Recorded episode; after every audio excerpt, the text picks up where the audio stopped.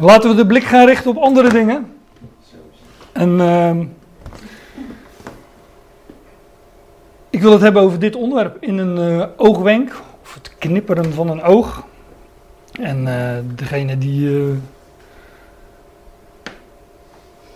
die een beetje vertrouwd zijn met, ja, misschien zeg ik dat niet helemaal goed, maar er, zullen er in ieder geval een aantal zijn die, die denken van, hé, hey, dat, dat is een bekende term. Um, maar eerst, uh, ik, ik, ik, kijk, ik maak altijd zo'n titelpaginetje natuurlijk, dat hoort er een beetje bij.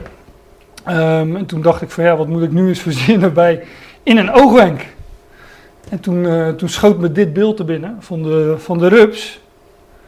Hè, dat, dat beest dat op aarde, dat met, zijn, met heel zijn wezen aan de aarde vastzit. En, uh, het is misschien niet zo verheffend idee om onszelf daarmee te vergelijken. Want het enige wat hij kan is vreten. En uh, een beetje kruipen, dan uh, daar houdt het wel uh, mee op. Maar. Je tuin verpesten. Je tuin verpesten, ja. ja, ja. Wij, wij zijn de tuin ook aardig aan het verpesten, hoor ik altijd op het journaal. Dus, ja. ja, nu niet, want nu hebben we corona, dus alle ja. milieuproblemen problematiek is voorbij. maar voor corona was dat, was dat waar we ons druk over maakten. Maar wij zullen in een oogwenk veranderd worden, zegt de, de schrift. En ja, dan is zomaar deze rups opeens een, uh, een vlinder in een oogwenk. Want wij zullen van aards naar een hemelslichaam gaan. Daarover straks meer, want daar zitten natuurlijk wel wat nuances in. Um, ja, of je zou kunnen. Kijk, dit, dit, het gaat erover dat in, in een oogwenk wij veranderd zullen worden. Um, en dat geldt natuurlijk ook voor de doden, die ook in een oogwenk zullen veranderd worden. Van kokon ook naar die vlinder. Van een. Uh, ja, van, van, van een, uh, een, een aards lichaam. Maar wel bij, bij de, degenen die nog leven, wordt dat in één in een oogwenk, in een, moment veranderd. En de doden zullen onvergankelijk opgewekt worden. En dat gebeurt ook allemaal uh, heel snel. Um, overigens, die kokon, ik weet niet of je daar al eens over nagedacht hebt, maar uh, dat is natuurlijk een uitbeelding van de dood. Want ik weet niet of een uh, rups volgens de biologie of natuurkunde echt doodgaat in die, in die kokon. maar dat is natuurlijk wel het beeld wat er gebeurt. Er komt een heel ander wezen uit. En Um, toen Jezus uh, opstond, uit, uh, opgewekt werd uit, uit de dood, toen, dan lees je in, in de evangelie dat, dat, dat daar doeken achterbleven. Als je dan plaatjes in de kinderbijbel ziet, dan zie je altijd dat die doeken netjes opgevouwen daar ergens langs de kant liggen. Maar je leest in de schrift dat die vrouwen, bij, dat, dat die de Heer Jezus hadden gebalsemd. Uh, echt met, uh, ja, er staat zelfs nog het aantal ponden bij, hoeveel daar gebruikt is. Heel veel, tientallen in ieder geval. En dus de heer Jezus lichaam was gebalsemd en men deed er dan doek omheen. Het werd dan gebalsemd. En dat betekent dat die, uh, dat die doeken gewoon stijf stonden van, van al dat spul wat erop gesmeerd was en, en ingedroogd na drie dagen. En dus denk ik, maar dat, dat kan ik niet hard maken vanuit schrift, maar dat, uh, dat het gewoon een kokon was van doeken die hij achterliet. Dat hij daar gewoon in een oogwenk ook. Uh, ja, hij is veranderd. Hij heeft een nieuw lichaam ontvangen. Hij is opgewekt uit de dood. Hij is opgewekt met een, met een ander, een nieuw lichaam.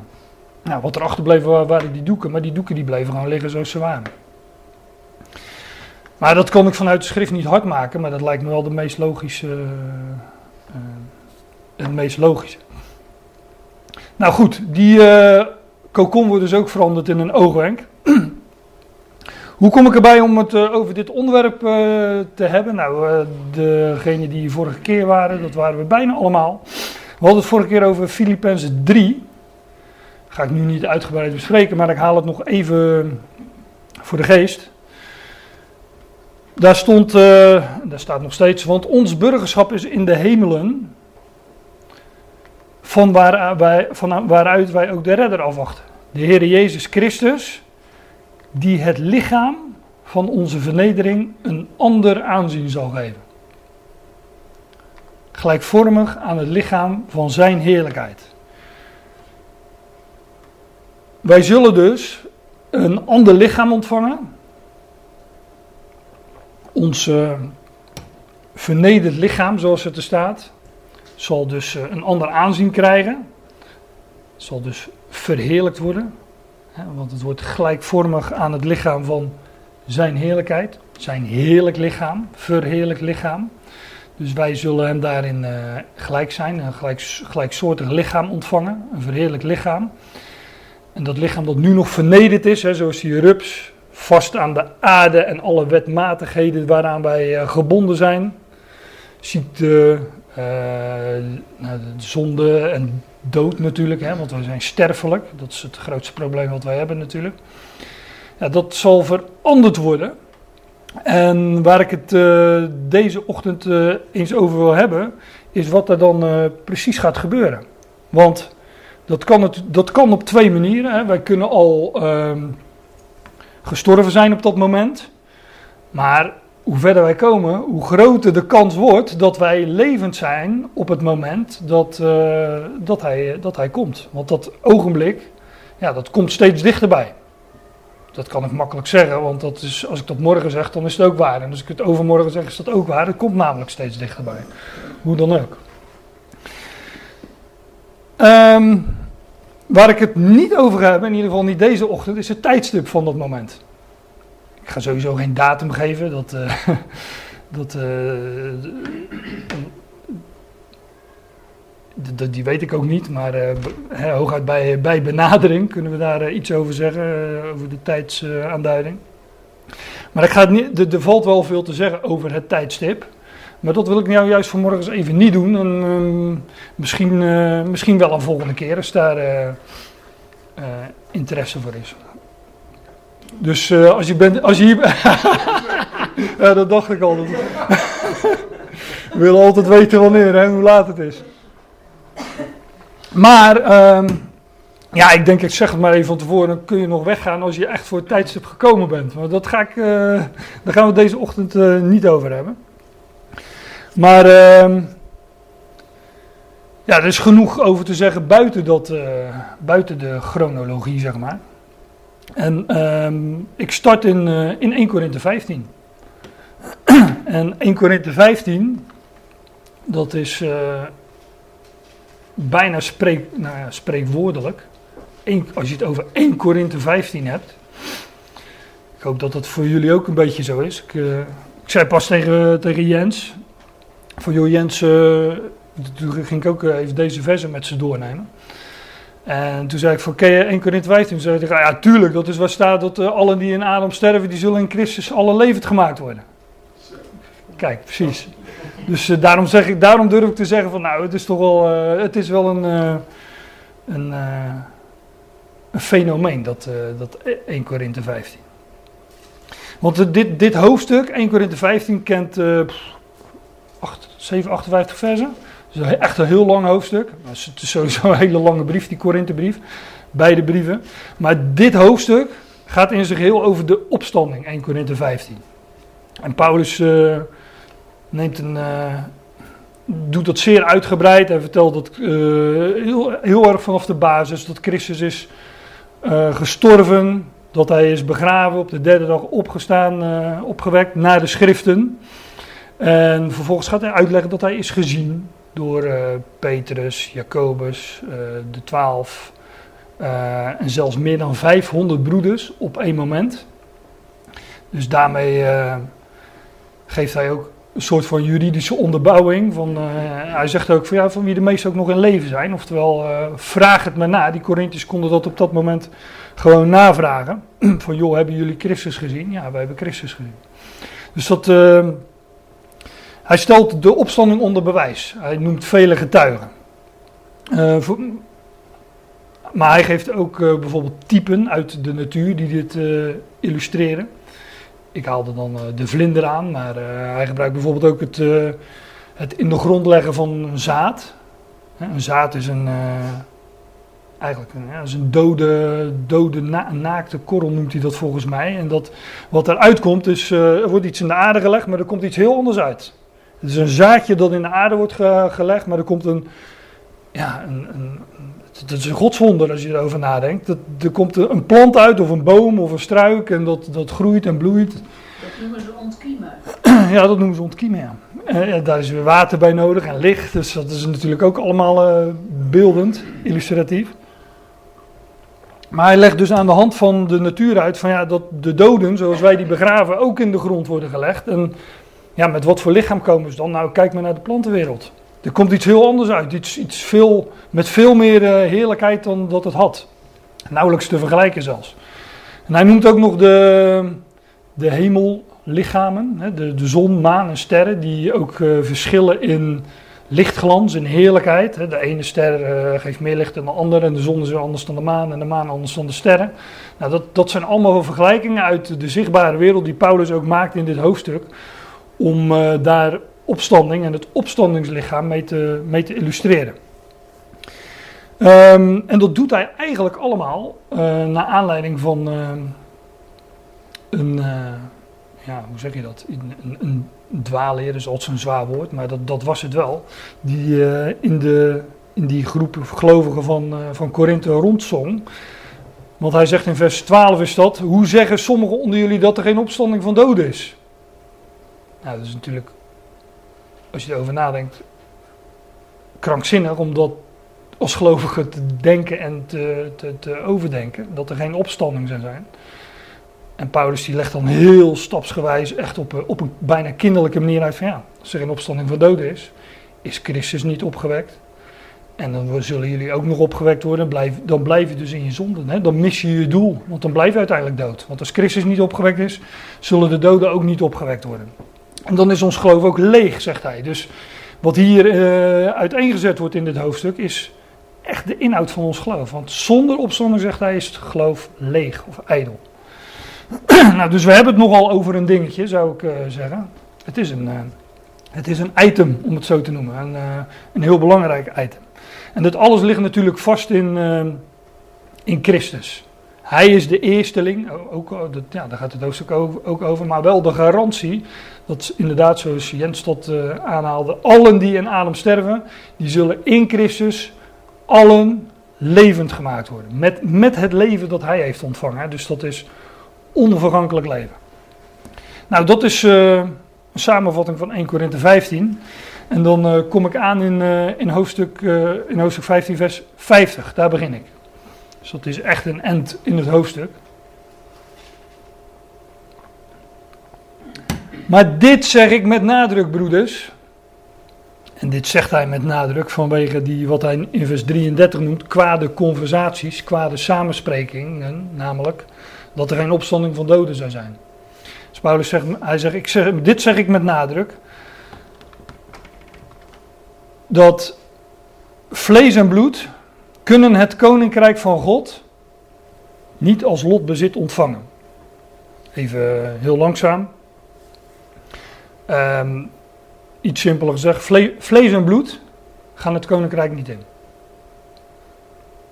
Dat is niet helemaal waar, maar dat, uh, dat, het, het, gaat hier echt over het, um, um, over het beërven, zeggen andere vertalingen, of uh, het als lotbezit ontvangen. Dus daar, daar kom ik straks wel, wel op terug.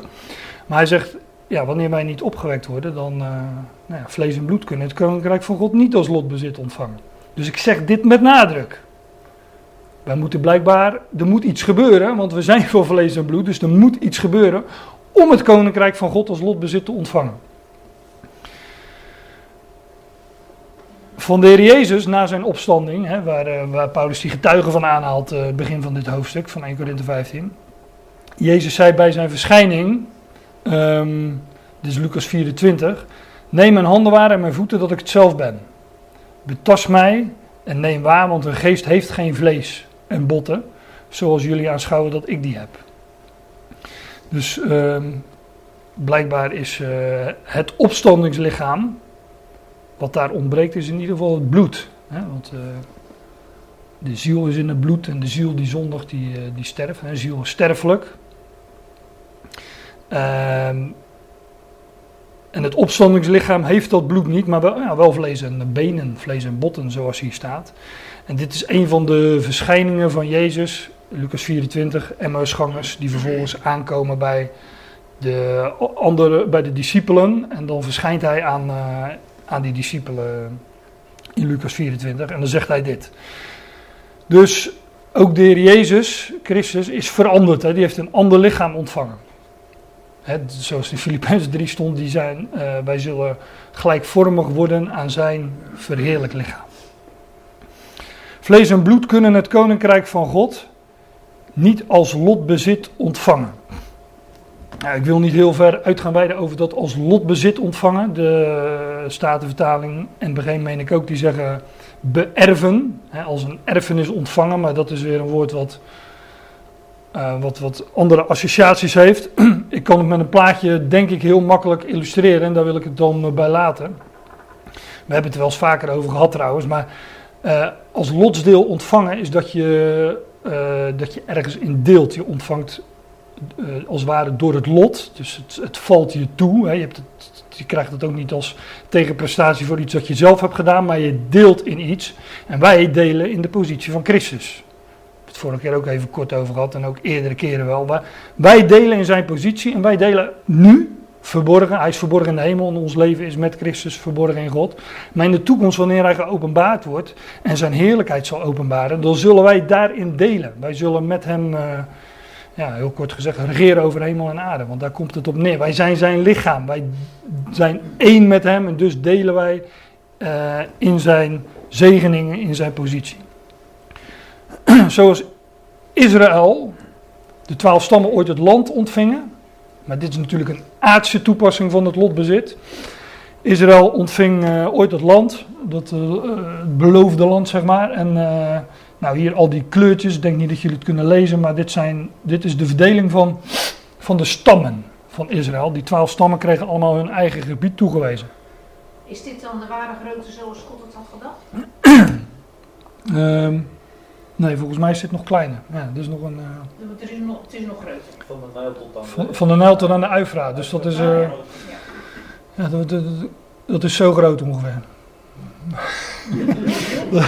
dat is groot. Maar dit, zijn de, dit, dit, is de verdeling van de stammen zoals je dat in het boek Jozua vindt. En daar, daar, daar lees je ook dat het, uh, volgens mij ook dat het door het lot zo werd bepaald. In ieder geval, uh, ja, waarom, waarom uh,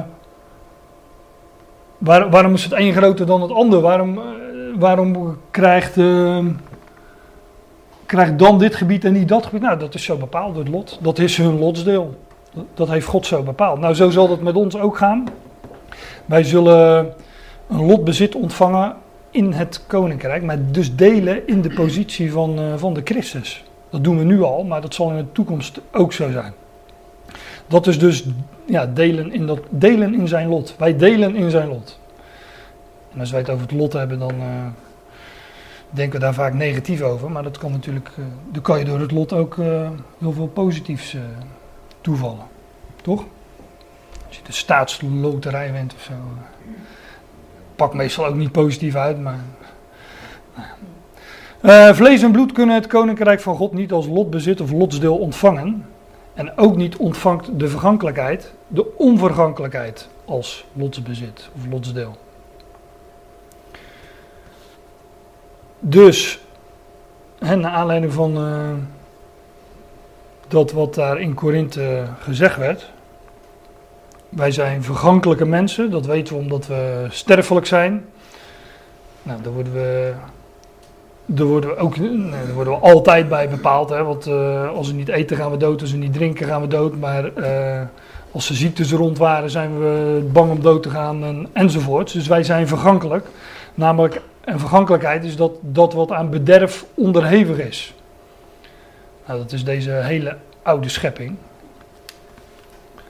Alles, het is nu weer voorjaar, nu, nu loopt alles weer uit. Maar de hele natuur lijkt wel in een... Uh, in de dood terechtkomen. Wij weten dat als we naar die bomen kijken, dan weten we, ja, dat komt wel weer goed. Van het voorjaar, uh, in, in, april ongeveer, loopt dat wel weer uit.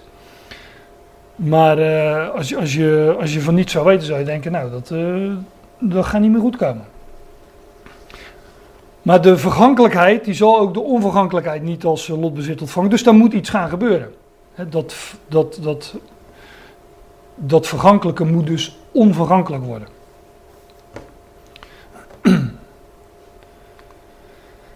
Neem waar, ik zeg jullie een geheim. Dat neem waar, dat meestal staat in de vertalingen zie. Maar je ogen kunnen je bedriegen. En dit dus, Paulus zei, zei, al, ik ga het met nadruk zeggen. Dit waarnemen is uh, idem als kennen of weten. Het is niet zomaar even iets zien en dan. Uh, het is echt iets kennen of iets weten. Ja, dus, niet per se met je ogen, maar van zo zie je dat. Ja, wellicht meer, meerdere zintuigen of in ieder geval, ja, je, je weet het gewoon. Ja. Nee, maar ik zeg jullie een geheim. Dat, dat, dat betekent dat het uh, tot dan toe verborgen was. Paulus gaat nu iets bekendmaken wat tot het moment dat hij het tot, het moment dat hij dit schreef was dat verborgen. Dit woord uh, mysterion, dat kennen we ook wel, dat is hier vertaald met geheim. De Statenvertaling heeft verborgenheid. Vind ik ook altijd een mooi woord. Uh, mysterion is het Griekse woord, daar zien we ons woord mysterie natuurlijk nog in. Maar dat heeft ook een beetje een, uh, wellicht een wat aparte bijsmaak, hè, een mysterie. Dat, een mysterie is vaak iets wat, dat gebruiken wij in het Nederlands voor iets wat we eigenlijk nooit zullen weten. Of niet kunnen weten. Tenminste zo, dat, dat geeft, dat is de klank die ik er altijd uh, in meekrijg. Maar dit woord, we zijn al een beetje technisch bezig, erg op de woorden aan het inzoomen, maar dit is echt een mooie. Dit woord is een Griekse woord, mysterion, is opgebouwd uit twee woorden. En de een is dicht doen en de ander bewaren. Dus iets is dicht gedaan en het wordt bewaard. Nou, dat is, dat is het geheim. Het is geheim, het is verborgen, het is dicht gedaan en bewaard. Dus het is er wel als een doos waarin iets verpakt zit, is het dicht gedaan en het wordt bewaard. Tot het moment dat Paulus zegt van ja, ik ga het nu uh, ga het doosje open doen. Ik ga een boekje open doen. Over, uh, over een geheim. Dus eigenlijk is de tenag is dan uh, in, in dat beeld die doos, of het zit in die doos. En het is, is het is dicht gedaan en het is bewaard. God heeft het gesloten en verborgen. Maar het is Paulus die het deksel open mocht doen en het licht erop mocht laten schijnen. Die namelijk open baarde. Dat is ook, zo, is ook een mooi woord. Van de baren is iets, uh, iets nieuws. Uh, wanneer er gebaard wordt, komt er iets nieuws, nieuw leven tevoorschijn. En het wordt geopend. Openbaren. Dus Paulus gaat hier iets, iets openbaren, iets openen wat tot dan toe gesloten was en verborgen. Het was er wel. Je kunt het met de kennis die Paulus ons geeft, het geheim dat hij openbaart, ja, kun je, kun je die dingen in, in de Tenach, in het Oude Testament, kun je die ook terugvinden. Nee, maar ik zeg jullie een geheim.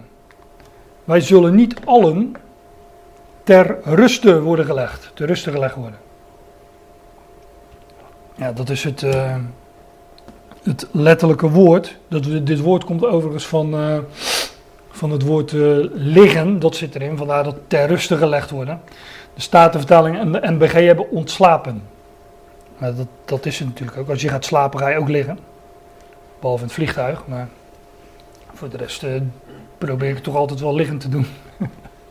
Er zijn mensen die kunnen zittend slapen, maar uh, meestal ga je liggen. Ja, als je moe genoeg bent. Ja, als je moe genoeg bent wel, ja. Maar wij zullen niet alle ontslapen. Want daar gaat, het daar gaat het hele hoofdstuk over, over de doden die opgewekt zullen worden.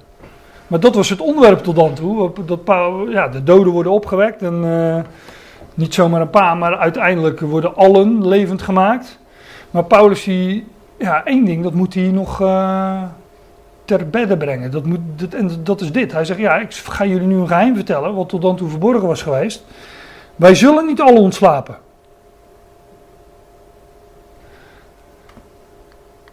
Kijk, de MBG heeft, uh, ik heb het even geprint, uh, tenminste geprint, gekopieerd en geplakt. Want dit is hoe de MBG dat, dat woord vertaalt. Dus altijd sliepen, slapen, ontslapen enzovoort. Dus wij zullen niet allen ontslapen, maar wij zullen veranderd worden. Oké.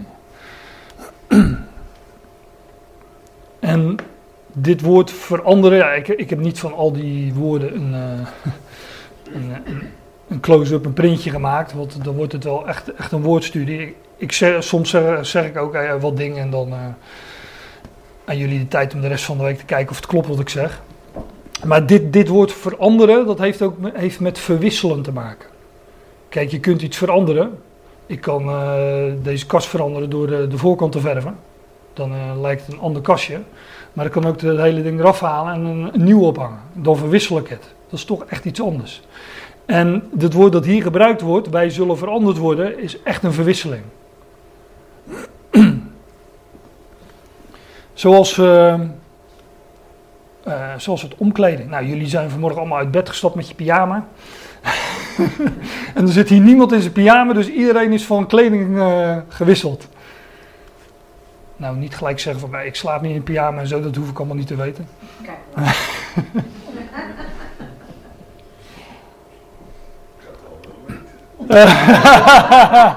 Jij wel, ja. Nou, jullie kunnen je na afloop even melden bij Daniel als je, als je gewoon in je ondergoed slaapt of... of uh, nou verder wil ik maar niet gaan. ik krijg er warm van. Daniel is een beelddenker, zit gelijk zo om zich heen te kijken. maar wij zullen veranderd worden. Dus niet alle ontslapen, maar veranderd worden. En dat is dus een verwisseling in de zin van omkleed. In de, in de natuur hebben we daar overigens ook beelden van. Hè? Van uh, reptielen die hun huid uh, als het ware uittrekken. Dat, of het valt er gewoon af. En dan hebben ze een nieuw huidje. Dus die, die verwisselen hun kleedje om de zoveel tijd. Slangen geloof ik, sommige, ik weet niet of ze alle slangen dat doen, maar slangen en uh, andere reptielen. Misschien nog andere dieren ook, maar dat uh, insecten, ja, vast wel. Ja. Wij zullen veranderd worden. dat, dus dat gaat dan over degene die niet zullen ontslapen natuurlijk. Hè? Daar had hij het over. In een ondeelbaar ogenblik. Ja, dit is het woord, uh, dit kennen we ook, het Griekse woord. Atomo, Thomas.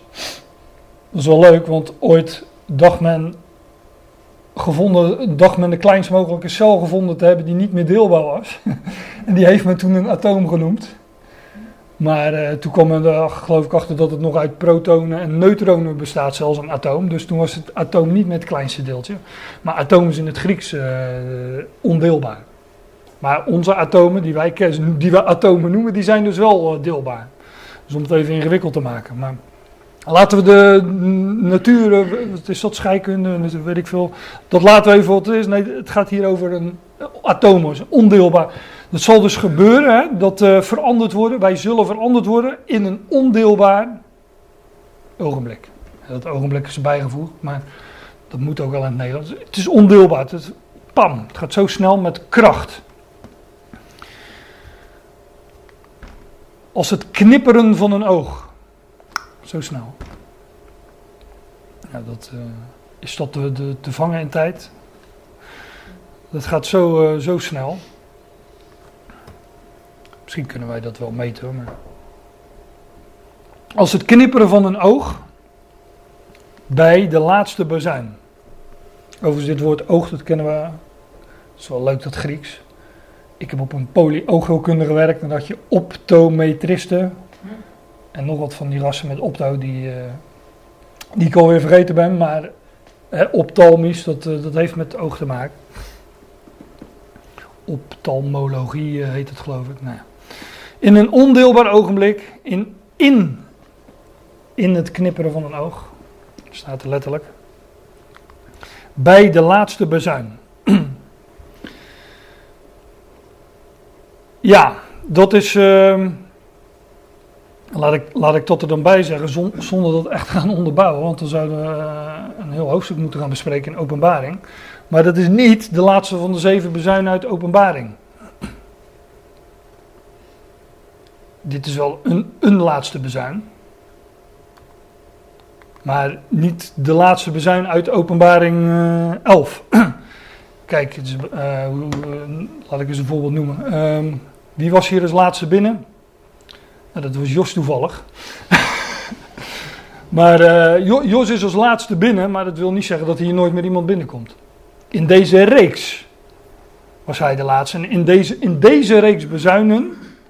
Doe ik nou?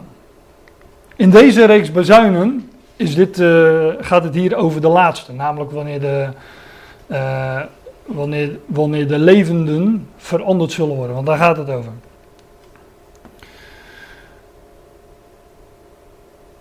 Ik zal het straks nog laten zien. In een ondeelbaar ogenblik, in het knipperen van een oog, bij de laatste bezuin. Want hij zal de bezuin blazen en de doden zullen onvergankelijk opgewekt worden. Dat is bezuin 1. Hier, ja, hier gebeuren twee dingen. Ah, ik, ik, laat het straks nog zien, want je moet, je moet hierin ook schrift met schrift vergelijken. Paulus heeft het over dat wij niet alle zullen ontslapen, maar wel alle veranderd zullen worden. Bij de laatste bezuin, zegt hij. Maar hier staat, hij zal de bezuin blazen en de doden zullen onvergankelijk opgewekt worden. Dat is dus een andere groep. Want wij zullen veranderd worden, degene die levend overblijven, die zullen veranderd worden bij de laatste bezuin. En hier zegt hij, hij zal de bezuin blazen en de doden zullen onvergankelijk opgewekt worden. Dat gaat dus niet over degene die levend overblijven, maar dit gaat over degene die al gestorven zijn op het moment van zijn komst, om het zo te zeggen. Op het moment waar we het nu over hebben. Hij zal de bezuin blazen en de doden zullen onvergankelijk opgewekt worden. In 1 Thessalonicense 4, daar moet het misschien dan ook uh, een andere keer eens over hebben. Daar staat dit: De doden in Christus zullen eerst opstaan. Dus hier heb je ook een rangorde in uh, 1, 1 Thessalonicense 4. Ik ga een beetje vanuit dat jullie dit, uh, dit kennen, 1 Thessalonicense 4. Tamelijk bekend uh, gedeelte. Maar hij zal dus de bezuin blazen. Dan zeg ik, nou, dat is bezuin nummer 1 of de eerste bezuinstoot, hoe je, hoe het wil zeggen. En dan zullen de doden in Christus eerst opstaan. En hier staat, uh, de doden zullen onvergankelijk opgewekt worden.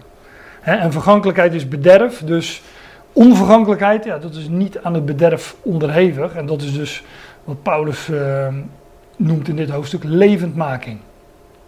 Zoals Christus de eersteling is levend gemaakt. Hij is nu de eerste en enige die is levend gemaakt. En op dit moment uh, is dat, uh, wordt dat fase 2 eigenlijk van levendmaking. Hij zal de bezuin blazen, de doden zullen onvergankelijk opgewekt worden.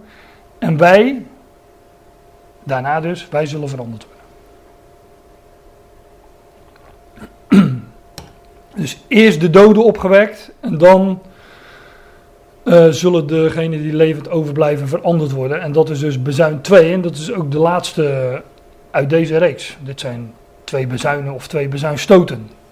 Tenminste, zo lees ik het. Je mag er anders over denken. Maar hier leg ik ook weer 1 Thessalonicense 4 naast. En wij zullen veranderd worden. Paulus, zegt, Paulus had gezegd in 1 Korinthe 15: Wij zullen niet alle ontslapen, maar wij zullen veranderd worden. En dan volgt dit vers: In een ondeelbaar ogenblik, in het knipperen van een oog, bij de laatste bezuin. Want hij zal de bezuin blazen, de doden zullen eerst, voeg ik dan even toe, eerst onvergankelijk opgewekt worden en dan zullen wij veranderd worden.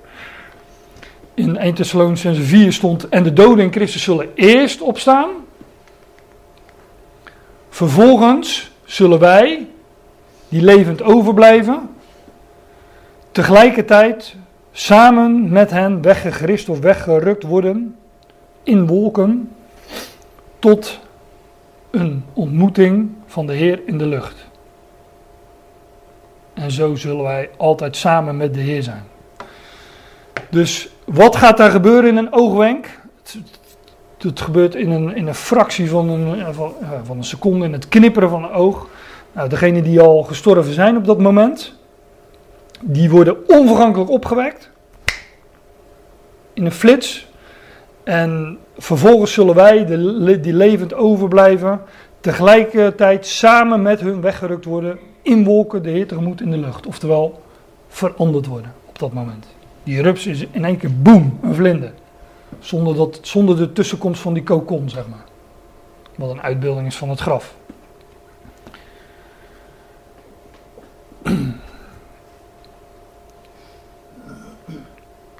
Ja, even nog zo. Wij zullen veranderd worden bij de laatste bezuin. En wij zullen veranderd worden. en, uh, ook, ook, dit gaat erover. Maar, maar dit, ja, dat, dat, is, uh, dat gaat over de doden. Dat gaat niet over degene die levend overblijven. Ja, en ik, ik zou, uh, als ik tot van die bezuin wil onderbouwen, ja, dan zal er maar, zou maar één ding op zitten. Dat is openbaring 11 bespreken. Maar dan, ik neem aan dat jullie vanmiddag ook nog dingen te doen hebben. Dus dat gaan we, dat gaan we maar niet doen. Maar bij, in openbaring uh, 11 lees je ook in, bij de zevende bezuin in openbaring 11 vers 15. Daar staat dat het koninkrijk op dat moment, bij die zevende bezuin, dat is dus de laatste bezuin van die zeven dat het koninkrijk dan gevestigd is over de hele wereld. Nou, dat is echt nog niet het geval op dit moment. Dit zit hier nog. Uh, en dat tegemoet? Dit zit hier nog jaren voor. Um, tegemoet. Oh, daar gaan we. In Thessalonicense 1 Thessalonicense 4, ja. Als je ja, tegemoet ja, gaat, ga je hem ophalen. Ja, hier staat tot een ontmoeting. Dit heb ik volgens mij rechtstreeks gekopieerd uit. Uh, Oh, nou ja. uit uh, geschriften. maar volgens mij staat er inderdaad letterlijk zoiets als uh, tot een ontmoeting. en dat betekent inderdaad dat wij hem tegemoet gaan. Tot een ontmoeting, of tegemoet in de lucht. Ja, en dat betekent dat hij, maar daar kan, tijd tussen zitten natuurlijk, met ons terug zal keren naar de aarde. En dat is, dat is eigenlijk wat ik net zei. Kijk, bij, bij, bij, nou, om nog die woorden uit uh, Colossens 3 aan te halen. Ons leven is met Christus verborgen in God. In de hemel. Dat staat allemaal Colossens 3, die eerste paar versen. Wij zijn met Christus uh, opgewekt. En ons leven is met Christus verborgen in God. In de hemel. En wanneer Christus, staat er ook, die ons leven is, geopenbaard zal worden. Dus wanneer hij zal verschijnen uit de hemel en zichtbaar zal zijn voor, uh, in eerste instantie voor, voor, voor Israël. Wanneer hij dus geopenbaard zal zijn en niet meer verborgen. Dan zullen ook jullie, staat daar in Colossense 3, ik meen vers 3 of 4. Dan zullen jullie ook samen met hem geopenbaard worden in heerlijkheid. Dat zeg ik. Um, vanaf dit moment. Dat staat ook in 1 Thessalonicense 4 overigens. Ja, dat staat hier. En zo zullen wij altijd vanaf dit moment. Zo zullen wij altijd samen met de Heer zijn. Wij zijn één lichaam met Hem. Dat lichaam is nu nog um, fysiek. Ik weet niet of je dat zo kan zeggen. Maar geestelijk zijn wij natuurlijk één met Christus. Maar wij weten ook wel dat Hij is nu verborgen in de hemel. Ons leven is daar wel. Maar dit lichaam, dit vernederde lichaam, dat is nog hier.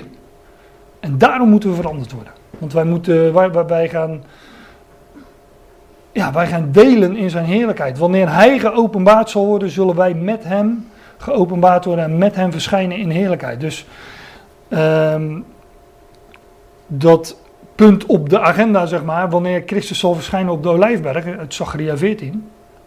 Ja, dat moet, dat moet wel zo zijn dat wij daarbij zijn. Want dit gebeurt voor die tijd.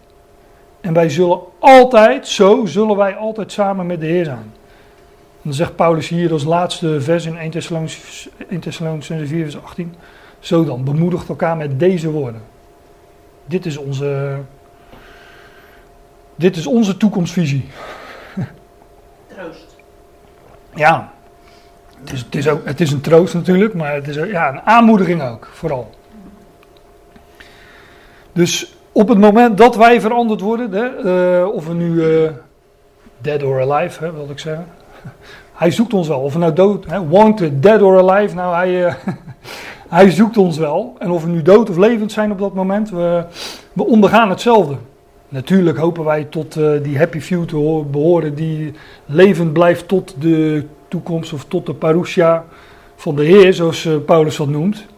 Maar ook als we op dat moment al zijn overleden, dan, Er staat al zelfs nog dat, ja, dat is niet, niet eens in tijd te vatten, maar dat, dat, we de levende, dat de doden de levenden wel zullen voorgaan. Want dat is waar hij de Thessalonicense mee vertroost. Die, die, die hadden dus ja, maar hoe zit dat dan met, uh, met, met, Ja, met de doden? Toen zou natuurlijk dat koninkrijk nog komen. Ja, ja dat, die verwachting was toen nog. eh, Die verwachting was toen. Maar Dus de, die mensen zaten daarmee. ja, ja, maar hij zegt dan ook: de, de doden in Christus zullen eerst opstaan. Dus maak je over die doden geen zorgen, die krijgen nog voorrang ook. Dat zegt hij eigenlijk. Ja. Parafraseer ik het even. Maar vervolgens zullen wij die levend overblijven. Dat is, dat is fase 2. Maar dat gaat allemaal natuurlijk zo snel. Dat, eh, ik denk dat alleen God het verschil ziet. Tussen, tussen, het gaat in het knipperen van ogen. Dus boem. En dan, ja, dan is het al gebeurd. Vervolgens wij die levend over. Het gaat toch tegelijkertijd samen met hen. Worden we weggerukt eh, in wolken. Of het nou in de wolken is of dat we als, als een wolk eh, omhoog gaan. weet- Dat weet ik ook niet tot een ontmoeting of de Heer tegemoet in de lucht. En dat tegemoet, volgens mij komt dat woord nog één keer ergens anders voor, dat ze, In handelingen. ja, een handeling ergens, dat ze iemand, eh, of een aantal, ik, weet- ik weet niet hoe die, ik weet de naam even niet, maar die lopen ze dan tegemoet. En dat betekent dat ze ze, eh, bij wijze van spreken, onderweg ontmoeten en daarna terugkeren naar de plek waar ze vandaan kwamen. Dat, dat is tegemoet gaan. Nou, dat is hier ook het geval. Wij gaan hem tegemoet in de lucht, maar we zullen dan... eh, ook terugkeren op aarde. Dat hoeft niet binnen vijf minuten, maar dan speelt de tijd toch al geen rol meer. Dus. En heel veel andere dingen spelen dan ook geen rol meer, want dan hebben we een, een totaal ander lichaam. Een verheerlijk lichaam. Gelijkvormig aan zijn lichaam, zoals Filippenzen 3 dat zei. Nou, en vandaar ook, ehm, ja, we zullen, altijd samen, we zullen dan, en zo zullen wij altijd samen met de Heer zijn vanaf dat moment. Bemoedigt elkaar dan ook met deze woorden. Ik moet verder. Want dit vergankelijke moet onvergankelijkheid aantrekken. ja. Onvergankelijk moet, eh, vergankelijk moet onvergankelijk worden. Dat wat aan het bederf onderhevig is, ja, dat gaat gewoon niet lang mee. Dus dat moet verwisseld worden. Als, een, als kleding. Dat is ook dit woord, aantrekken. Als een kledingstuk. Dan had ik nog een, eh, ja, die heb ik. Ja. Kijk, het eh, inslippen of aantrekken, aankleden. Dit vergankelijke moet onvergankelijkheid aantrekken en dit sterfelijke moet onsterfelijkheid aantrekken. Dus dat wat vergankelijk en sterfelijk is, moet onvergankelijk en dus onsterfelijk worden. Er staat hier ook niet, subtiel, het doden moet onsterfelijkheid aantrekken. Nee, het gaat hier gewoon over het sterfelijke. Als wij nog leven op het moment van eh, de parousia, zoals het Griekse woord wat vertaald wordt met komst of toekomst vaak, maar het heeft iets met zijn aanwezigheid te- maken. Wanneer die dag aanbreekt, zeg maar, de dag van Christus, dan zullen diegenen die nog leven, maar die dus sterfelijk zijn, die zullen onsterfelijkheid aantrekken. Vergankelijkheid moet onvergankelijkheid aantrekken. En wanneer dit vergankelijke onvergankelijkheid zal aantrekken en dit sterfelijke onsterfelijkheid zal aantrekken. Ja, dat is eigenlijk gewoon een herhaling van eh, de woorden, maar Paulus zei ook, gaat met nadruk zeggen. Dan zal het woord gebeuren dat geschreven is. Dan zal het woord worden dat geschreven is. De dood werd verzwolgen door de overwinning. Ja, dat vind je in, eh in Jezaja 25 vers eh, 8. Dat is gewoon een aanhaling uit Jezaja. Maar da, ja, daar wordt dan een... eh, Kijk, wij, als wij levend overblijven... Maar ook als wij, als, als wij op dat moment doden in Christus zijn... Ja, dan wordt de dood voor ons op dat moment al verzwolgen in de overwinning.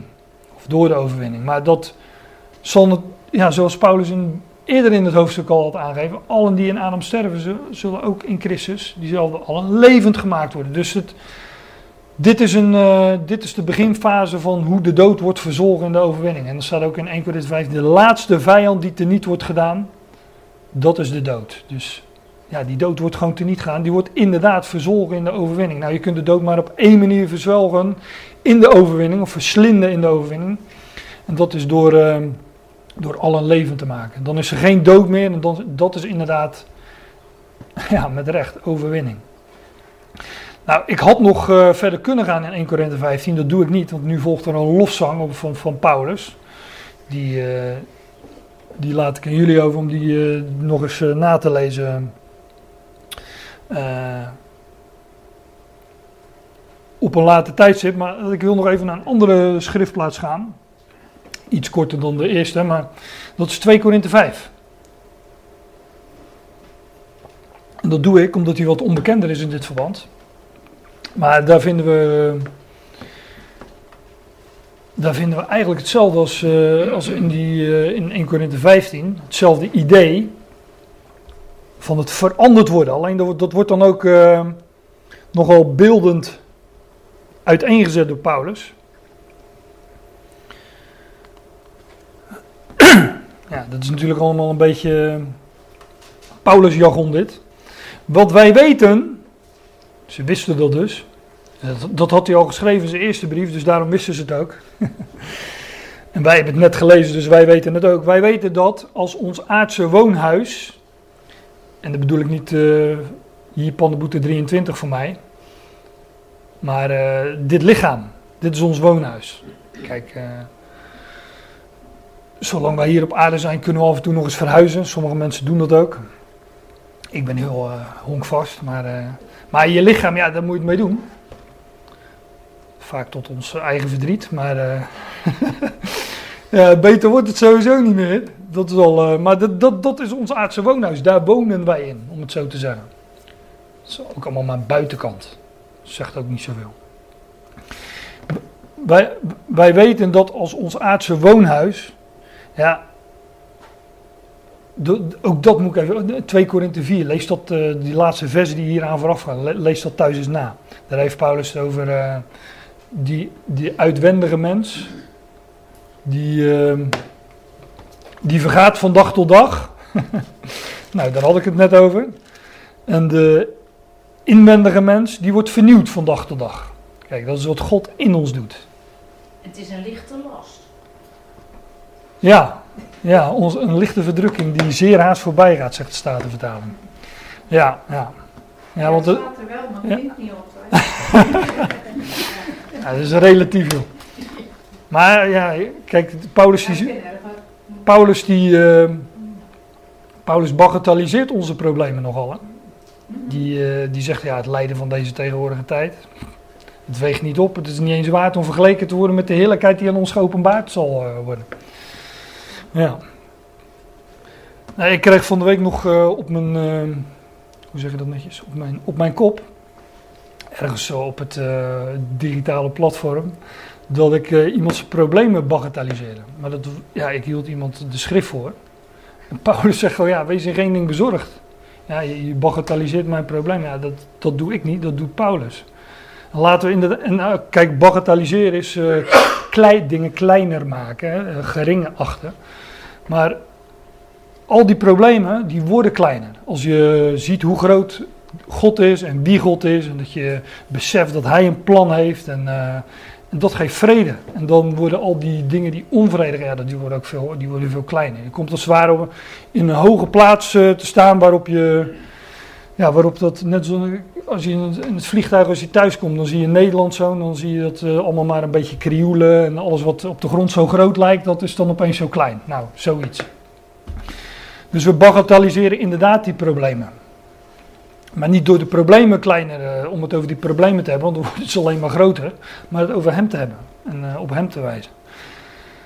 Maar ik dwaal nu een beetje af. Wij weten, want wij weten dat als ons aardse woonhuis, dit lichaam dus, van de tent afgebroken wordt. Dus ons lichaam is een aards woonhuis, namelijk een tent. En een tent, een tent is een tijdelijke woning. Hè. Daar uh, slaap je hooguit een, uh, een paar weken in op vakantie. Mensen noemen dat vakantie, ik begrijp dat niet, maar dan gaan ze in, dan gaan ze in een tent liggen. Lijkt mij juist andersom, dat als je heel het jaar in een tent ligt, dat je op vakantie een mooi huis opzoekt. Maar zo zit ik er dan een beetje in. Maar Paulus uh, vergelijkt ons aardse woonhuis, ons lichaam met een tent. Het is namelijk een tijdelijke woning, want het moet, hij, hij zei in 1 Korinthe 15, ja, dat moet veranderd worden, moet verwisseld worden. En uh, uh, Het is niet de enige die, die Petrus noemt het ook een tent. Die zegt, als hij zijn sterven, zijn bescheiden, geloof ik in de staat, als hij, als hij dat aankondigt, dan zegt hij, want ik weet dat ook het afleggen van mijn tent spoedig komt. Dat had de Heer namelijk tegen hem gezegd. Dat is Johannes, Johannes 21, meen ik. Zoals ook onze Heer Jezus Christus mij duidelijk heeft gemaakt. Dus Petrus wist, ik ga sterven. En daarom had hij nog wat te doen. En dat legt hij ook in deze vers uit. Maar wij hebben dus een aards woonhuis. Wij weten dat ons aardse woonhuis van de tent afgebroken wordt. Wij een gebouw van God hebben. Letterlijk een uh, gebouw uit of vanuit God. Dus wanneer dit aardse woonhuis, deze tent afgebroken, dan krijgen we een gebouw uit God. Vanuit God.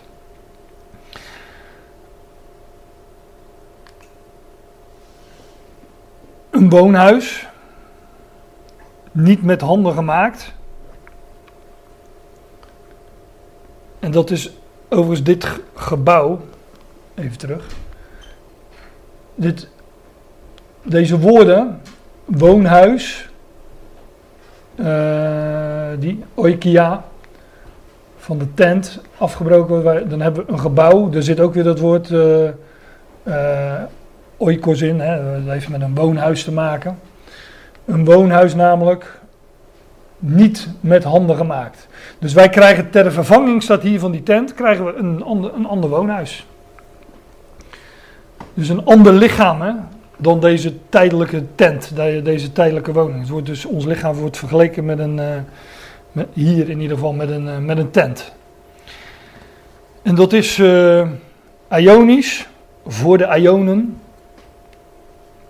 En dit is ook nog eens in de hemelen. Dus we ontvangen een ander lichaam, een nieuw lichaam, dat wordt verwisseld. Uh, die tent wordt afgebroken, maar we ontvangen een uh, gebouw, een woonhuis uit God. Niet met handen gemaakt, maar voor de Ionen. Dus dat is wat meer dan die 7, 8 decennia die we hier te gaan hebben. Sommige 9 of misschien nog iets langer. Dan houdt het toch al op. Nee, dat is, uh, hier worden die Ionen worden hier tegenover dat korte tijdsbestek wat we hier hebben, wordt, dat, wordt het contrast neergezet. En ook nog eens niet aards, zoals dit lichaam, en aan al die wetmatigheden van de aarde onderworpen, maar in de hemelen. Want hierom zuchten wij ook. En dat zuchten, uh, ik haalde net Romeinen 8 aan. En daar wordt er ook uh, over gesproken, over Romeinen 8 als een vrouw die barensweeën heeft. Want wij weten dat tot nu toe de gehele schepping samen zucht en barensweeën heeft. Vandaar ook, hè, als, de, als de weeën komen, dan gaan die zich ook steeds sneller opvolgen. Dus als je denkt dat we het nu gehad hebben met alle, al het gedoe in de wereld, nou, vergelijk het met de barensweeën van een zwangere vrouw, dan weet je dat het, uh, dat het nog erger wordt. Wij weten dat tot nu toe de gehele schepping samen zucht en barensweeën heeft. En dat niet alleen, niet alleen die schepping, maar ook wij zelf. Die de geest als eerste vrucht van de oogst hebben. Wij zijn, hij is de, de eersteling, maar wij, wij ja, daar hebben we het nu, dat is ook ons onderwerp. Wij zullen als eerste delen in dat leven. Wij zullen als eerste levend gemaakt worden. En dat is dat moment van, ja, van die wegrukking, om dat maar zo te noemen. Dat niet alleen, maar ook wij zelf, die de geest als eerste vrucht van de oogst hebben, zuchten in onszelf. Ik hoor ook wel eens, ik, hoor, uh, ik, ik, hoor jullie ook wel eens zuchten. Misschien omdat het nu te lang duurt, maar uh, ook. Uh, Ook wellicht vanwege andere dingen. Wij zuchten in onszelf. Ja, hier staan nogal wat natuurlijk. Had het misschien eh, weg moeten laten. Die in afwachting zijn van het zoonschap. Wij zullen aangesteld worden als zonen. De, en een zoon is een mede-erfgenaam. Dus wij zullen delen in de erfenis, in het lotsdeel van de zoon. Ik weet dat ik nu heel veel zeg.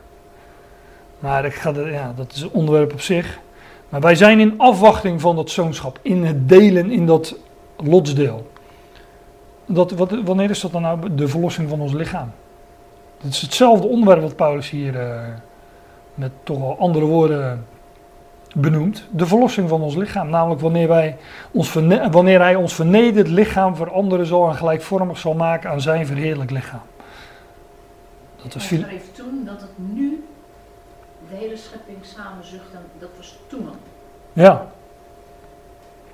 Sterker nog, de schepping is aan de vergankelijkheid onderworpen, zegt hij in ditzelfde hoofdstuk. Dus de hele schepping, hè, vanaf Adam.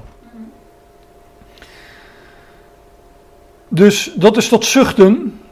Wij, ja, een. Een uh, wij zuchten in afwachting van, dat, van de verlossing van ons lichaam. En hier zei in 2 Korinther 5 zegt hij, want hierom zuchten wij ook, wij verlangen ernaar met onze behuizing, andere vertalingen zeggen woning of woonsteden. Wij verlangen ernaar met onze woning, onze behuizing uit de hemel, overkleed te worden. Hier gaat het ook weer over het, over verwisselen van kleding. Hè. We worden overkleed. Dus dat uh, wat in 1 Corinthië 15 in een oogwenk zal geschieden, dat wordt hier dan, uh, ja, wordt hier dan benoemd met het, uh, we zullen overkleed worden. Nou, dit is een wat lastig vers en dat komt, ik zal het eerst lezen, wanneer ook wij namelijk aangekleed worden, niet naakt gevonden zullen worden. Ik heb hier de interlineair, daar staat uitgekleed wordende. En dat heeft te maken met, uh, met handschriften. Dus dat is een, ook weer een heel technisch verhaal. Er zijn verschillende handschriften van, uh, uh, van het Nieuwe Testament gevonden. In, het, in, het in, in sommige handschriften staat dit woordje en duzamenoi. En in andere staat ek duzamenoi. En het ene is juist aantrekken, het andere is uittrekken. Dus dat is nogal dat is nog een verschil. Maar ik in het verband denk ik toch dat, het, uh, dat dit niet klopt en dat het uh, aantrekken moet zijn. Ja, dat het verwisselen moet zijn. Want dat is precies wat het verband zegt. Wanneer ook wij namelijk aangekleed worden, namelijk overkleed uit het vorige vers, en niet naakt gevonden zullen worden. Naakt is natuurlijk gewoon dat je je kleedje aflegt en uh, sterft. Dus hij noemt het in de verse hier een gebouw uit God hebben dat aangekleed overkleed worden, met onze behuizing uit de hemel overkleed te worden, aantrekken en in het volgende vers nog, daar zijn we nog niet, overkleed. Dus het gaat allemaal over hetzelfde natuurlijk. Wanneer ook we namelijk aangekleed worden, niet naakt gevonden zullen worden. Overigens heb je, zou je dit vers ook, had ik ook weg kunnen laten, dan uh, hadden we het verhaal ook gevolgd. Want wij die nog in, deze, in, de, in de tent zijn, wij zuchten bezwaard. Dus zolang in die tent zijn, ja, de, ene keer ben je ziek, de andere keer ben je moe. Uh, in ieder geval, uh, je hebt met omstandigheden te maken. We zien uit naar de toekomst, naar de verlossing van ons lichaam. Het moment dat we veranderd zullen worden. En wij zuchten bezwaard omdat wij niet uitgekleed. Afgelegd heet dat ook, hè? Als, je, als je dood bent, dan word je afgelegd. Uitgekleed. Ja, bij afleggen word je juist aangekleed, maar dat zijn dan wel weer uh, ook vergankelijke klederen. Ja, taal is een dingetje natuurlijk. Maar omdat wij willen niet uitgekleed worden, namelijk dit afleggen. Maar we willen overkleed worden.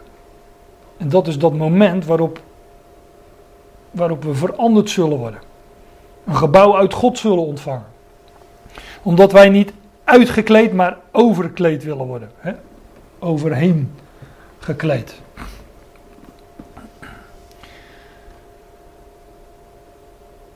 Opdat het sterfelijke door het leven verzwolgen zal worden. Ook hier weer, niet het doden, nee het sterfelijke. Wanneer wij nog leven op het moment van de wederkomst, om het zo te zeggen, uh, dan zijn wij sterfelijk, niet dood. En wij, Paulus zegt, wij zuchten nog in deze tent, eh, bezwaard zijn omdat we niet uitgekleed, maar overkleed willen worden, opdat het sterfelijke door het leven verzorgen zal worden. Dus dat overkleed worden is hetzelfde als wanneer het sterfelijke door het leven verslonden wordt. Dan worden wij overkleed. Zoals in 1 Korinthe 15 stond, en wanneer dit vergankelijke onvergankelijkheid zal aantrekken en dit sterfelijke onsterfelijkheid zal aantrekken, dan zal het woord dat gebeuren dat geschreven is, de dood, werd verzwolgen door de overwinning. Nou, dat is het moment uh, waarnaar wij uitkijken. En uh, het leek mij goed om, uh, om het daar eens een keer over te hebben. En uh, dit is ook het laatste vers wat ik, uh, wat ik wilde laten zien.